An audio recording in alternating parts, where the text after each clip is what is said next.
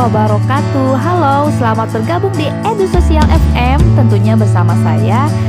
Tepat di hari ini kita diskusi tentang metode, media, dan sumber pembelajaran IPS Nah, di segmen ini akan ada part tebak kata tentang tokoh pendidikan Tentunya untuk menambah wawasan kalian. Dan nanti akan ada juga fun fact tentang materi hari ini. Nah, ini mungkin akan bikin penasaran. Nah, sebelum kita lebih lanjut, apakah semuanya sudah siap? Oke, kalau sudah siap, let's go pembahasan pertama. Oke, waktunya tebak tokoh. Iya. Saya akan membacakan satu buah clue untuk menebak tokoh pendidikan siapa yang saya maksud. Oke, clue. Tokoh ini lahir pada tahun 1912 bulan November. Kita mulai dengan metode pembelajaran IPS. Nah, sebenarnya metode itu apa ya?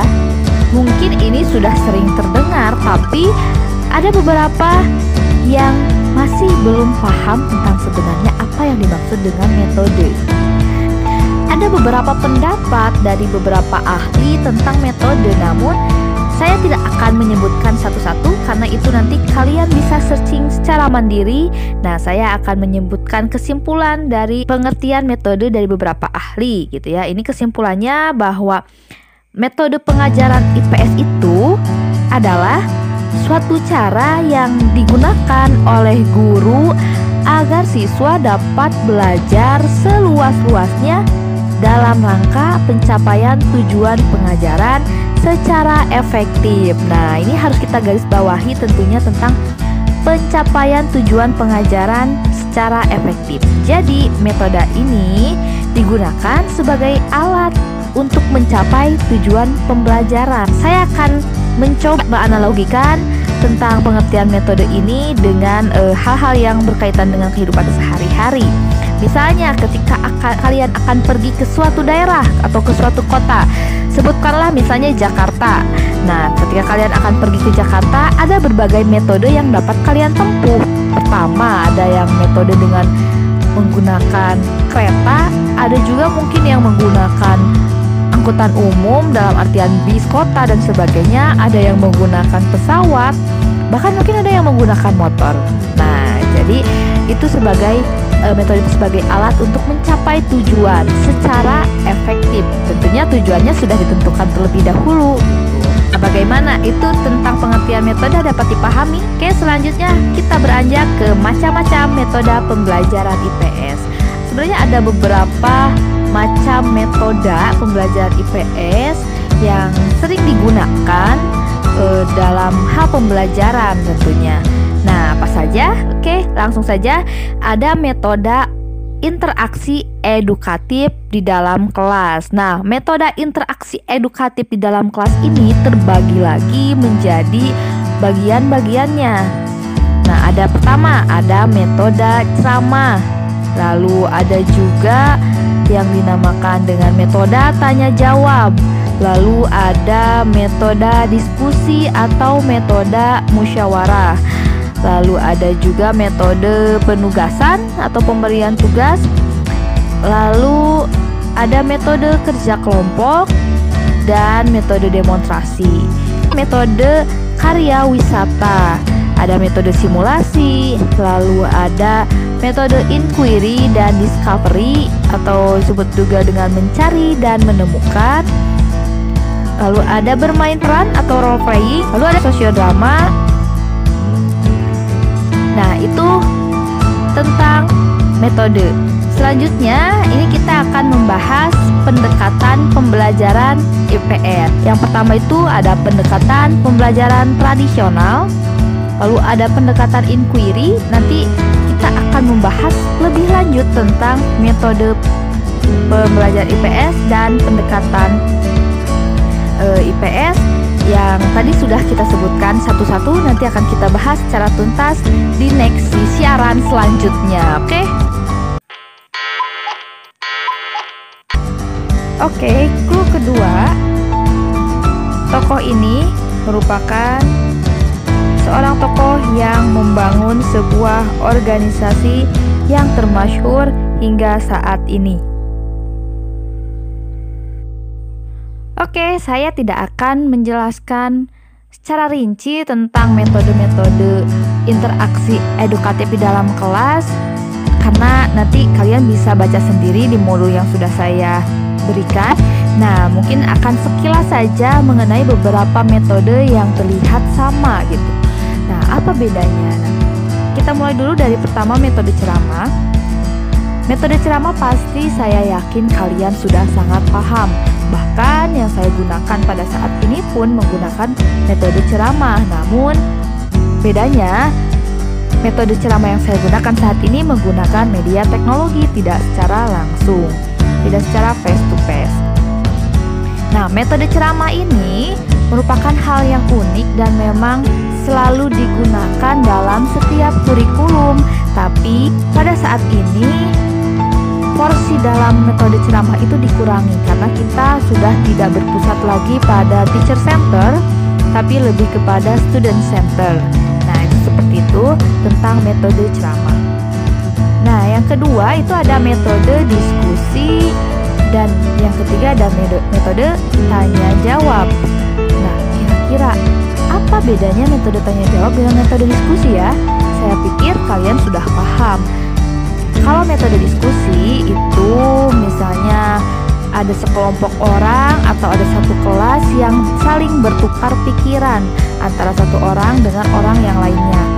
Tapi kalau metode tanya jawab itu berarti ada satu orang yang memberikan pertanyaan dan ada orang lain yang memberikan jawaban. Nah, untuk kekurangan dan kelebihan tentunya bisa dilihat di modul atau dibaca dan dipahami secara mandiri. Lalu selanjutnya adalah metode penugasan atau pemberian tugas. Nah, yang ini juga tidak kalah asingnya dengan metode ceramah. Saya yakin kalian sudah paham betul yang namanya metode penugasan. Nah, tapi ada hal yang perlu diperhatikan lagi bahwa metode penugasan ini ada beberapa jenis. Ada penugasan yang diberikan kepada individu ada tugas yang diberikan atau penugasan yang diberikan, diberikan kepada kelompok dan ada juga metode penugasan yang diberikan kepada kelas. Dan selanjutnya ada metode kerja kelompok. Saya yakin juga ini sudah bisa dipaham.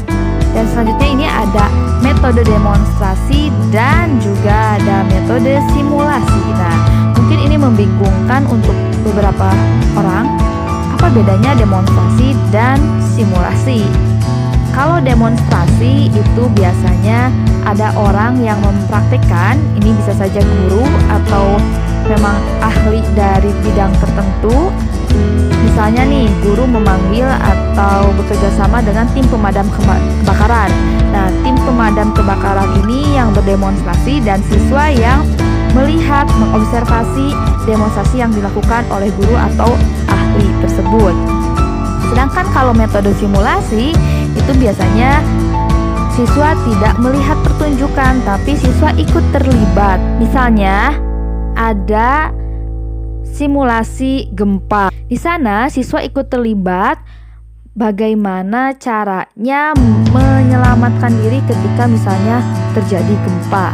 Nah, itu adalah metode simulasi dan perbedaannya dengan metode demonstrasi.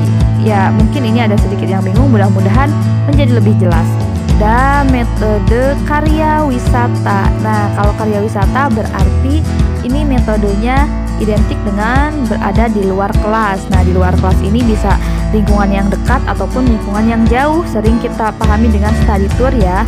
Nah, itu kan ibaratnya langsung yang menggunakan lingkungan sebagai sumber belajarnya.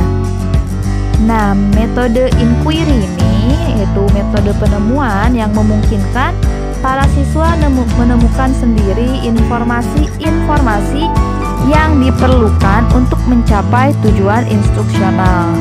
Nah, dengan mempedulikan pembicaraan tentang metode penemuan, dapat dikemukakan bahwa metode penemuan itu merupakan format interaksi belajar mengajar yang memberikan kesempatan kepada siswa untuk menemukan informasi dengan atau tanpa bantuan bimbingan guru. Itu. Batasan ini mengandung pengertian bahwa metode penemuan sebagai metode yang berorientasi pada siswa dan menekankan pada proses dan hasil secara bersamaan. Tujuan dari metode penemuan ini yaitu pertama ada meningkatkan keterlibatan siswa secara aktif dalam proses pembelajaran ya tentu karena tadi kan student center lalu mengarahkan siswa sebagai pelajar seumur hidup juga mengurangi ketergantungan siswa terhadap guru dan melatih siswa memanfaatkan sumber informasi dalam lingkungan. Oke, selanjutnya ada metode sosial drama dan juga metode bermain peran. Kedua istilah ini atau kedua metode ini memang terlihat sama ya, tapi ternyata memiliki perbedaan. Nah, perbedaannya apa? Ada yang tahu? Eh, jadi perbedaannya kalau misalnya bermain peran itu ruang lingkupnya lebih besar dibandingkan sosiodrama. Dan sosiodrama itu sebenarnya termasuk ke dalam hal bermain peran, cuman yang bedanya itu tadi lingkup ruang lingkupnya itu. Kalau misalnya di dalam metode bermain peran, itu ruang lingkupnya bisa tentang peristiwa masa lalu, misalnya sejarah, atau kejadian pada masa saat ini gitu. Kejadian-kejadian yang baru saja misalnya terjadi. Tetapi kalau sosiodrama itu dikhususkan kepada hal yang berkenaan dengan aspek sosial di dalam masyarakat atau ada yang menyebutnya juga dengan interpersonal konflik. Contoh, masalah pelebaran jalan yang berkaitan dengan penggusuran rumah penduduk, hubungan antar tetangga, dan sesuatu yang berkaitan dengan sosiologi dapat dikembangkan melalui drama sosial. Nah, ini ada tadi ada fakta menarik tentang salah satu contohnya misalnya hubungan antar tetangga. Nah, kalian siapa yang nggak tahu Bu Tejo toh? Pasti tahu toh. Nah, itu dia itu salah satu sosiodrama yang bisa diperankan ya. Jadi, saya ulangi lagi bahwa sosiodrama itu merupakan bagian dari bermain peran, tapi cakupan antara sosiodrama dan bermain peran itu berbeda. Ya, sosiodrama hanya menekankan tentang aspek-aspek sosial dalam masyarakat, sedangkan kalau bermain peran bisa um, berkaitan dengan sejarah atau kejadian pada masa lalu.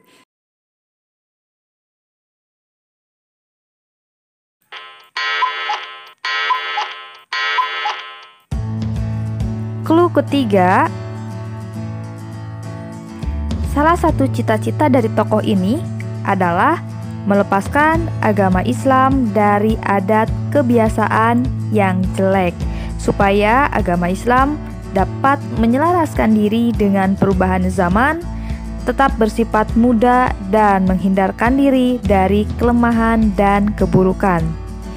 Adapun organisasinya adalah organisasi tentang keagamaan, termasuk juga sampai saat ini menjadi salah satu organisasi pendidikan.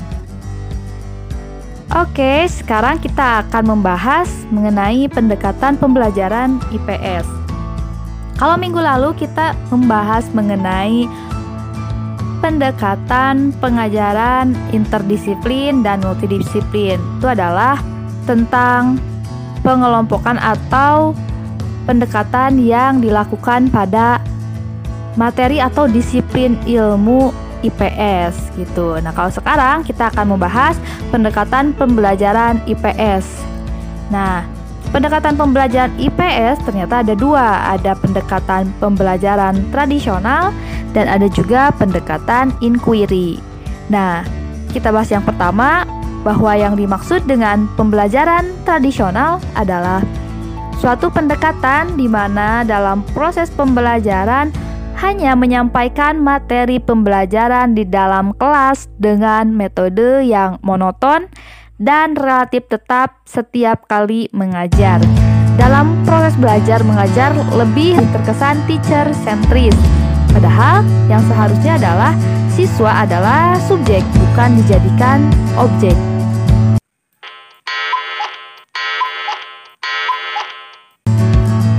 keempat, bahwa sejak kecil tokoh ini mengaji di pesantren-pesantren tradisional yang ada pada masa itu. Kemudian melanjutkan pelajaran di Mekah selama beberapa tahun.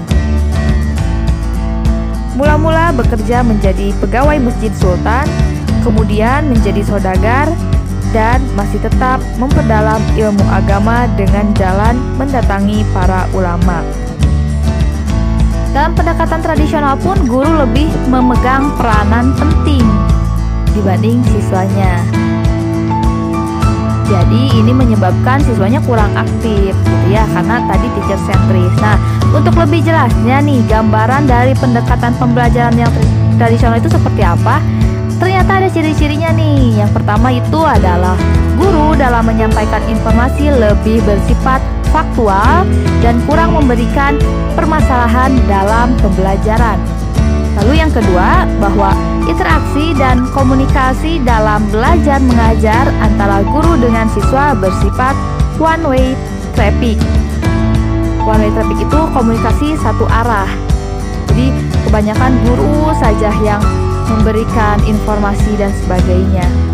Lalu yang ketiga, dalam proses pembelajaran, guru sering memberikan indoktrinasi. Hal ini akan berakibat kurang memberikan kesempatan berpikir kepada siswa dalam memecahkan suatu permasalahan. Jadi ini e, guru tidak memberikan kesempatan seperti itu ya, tidak memberikan kesempatan kepada siswa supaya mereka bisa bebas berpartisipasi, menyumbangkan pemikirannya dan sebagainya. Jadi guru saja yang terus memberikan materi-materi sehingga disebut dengan indoktrinasi gitu.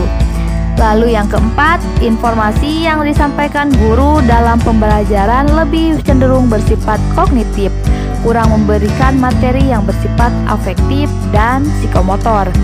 Kelima, strategi, metode, dan teknik pembelajaran yang digunakan guru bersifat tunggal. Misal, kalau misalnya ceramah-ceramah saja, kalau kelompok-kelompok saja dan sebagainya. Terakhir, dalam proses pembelajaran kurang memperlihatkan kadar CBSA yang tinggi.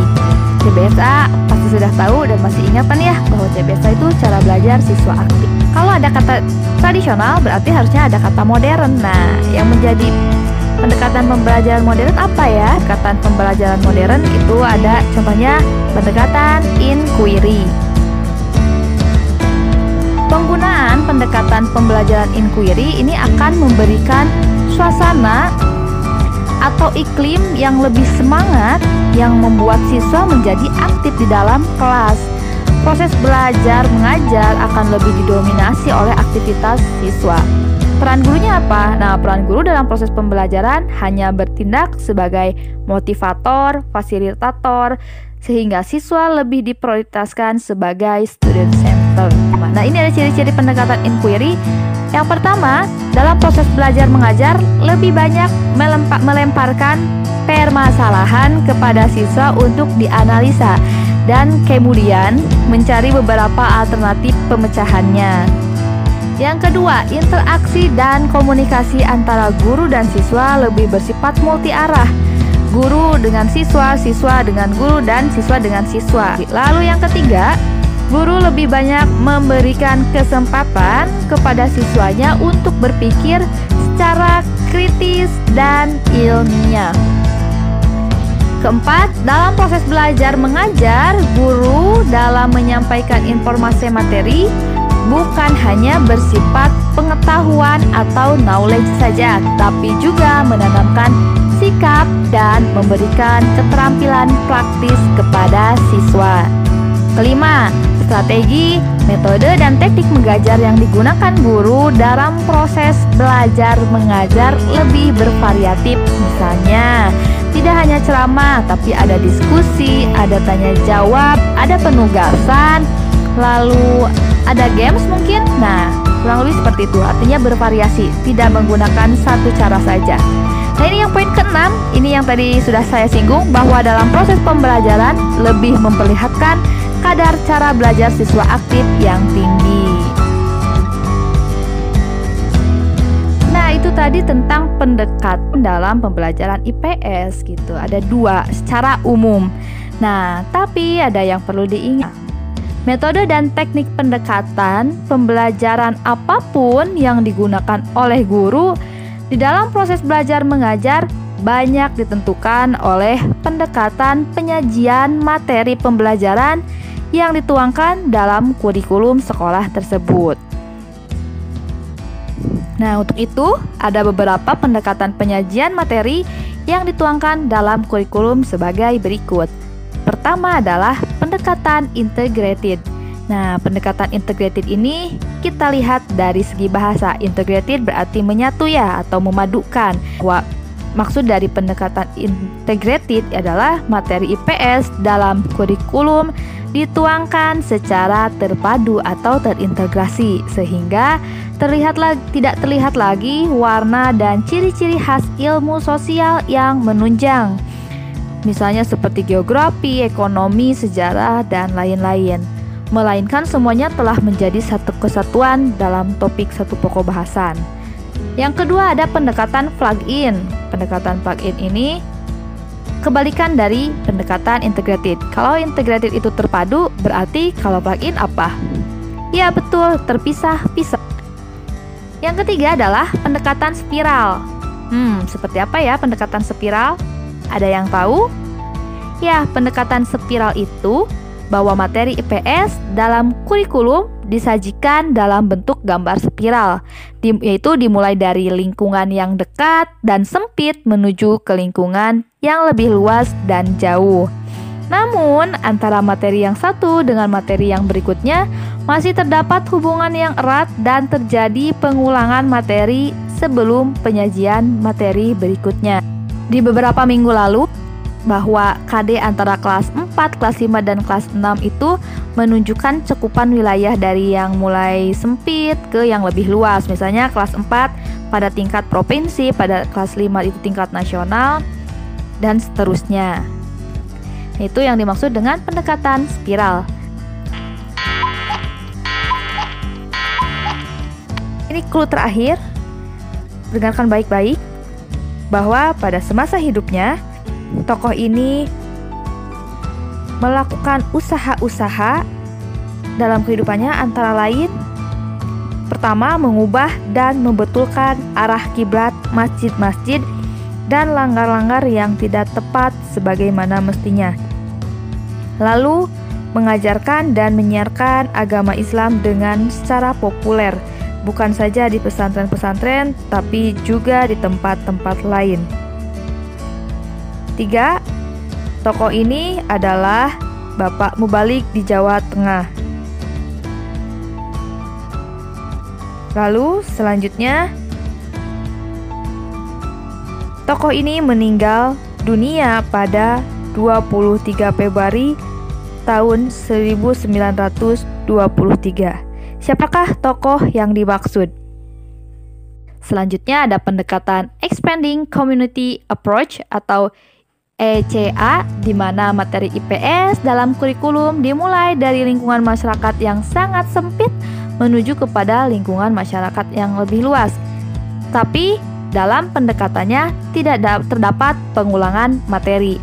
Jadi bedanya dengan spiral, kalau spiral ada pengulangan materi, kalau misalnya yang ECA itu tidak ada pengulangan materi.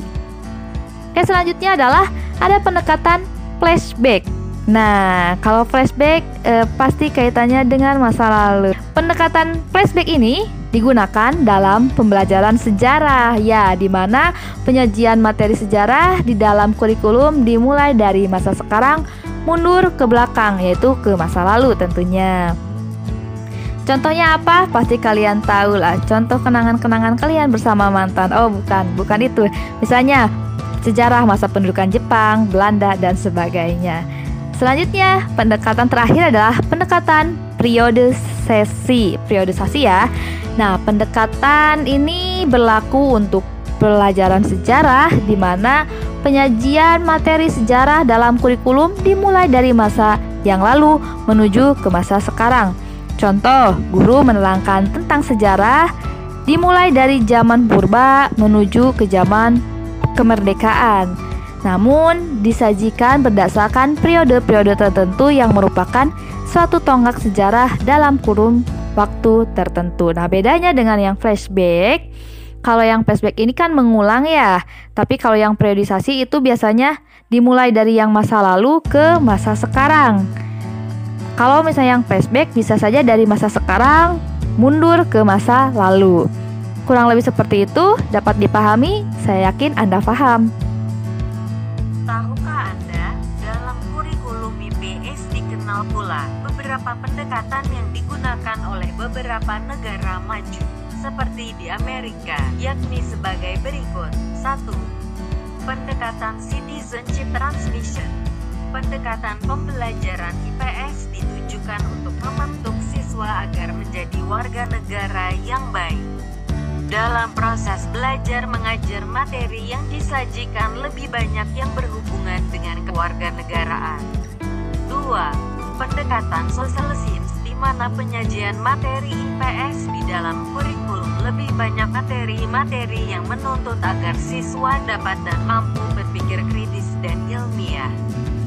3. Pendekatan inquiry reflektif dalam pendekatan seperti ini siswa dituntut untuk mengadakan penelitian dengan cara mencari dan akhirnya menemukan sendiri ilmu yang baru.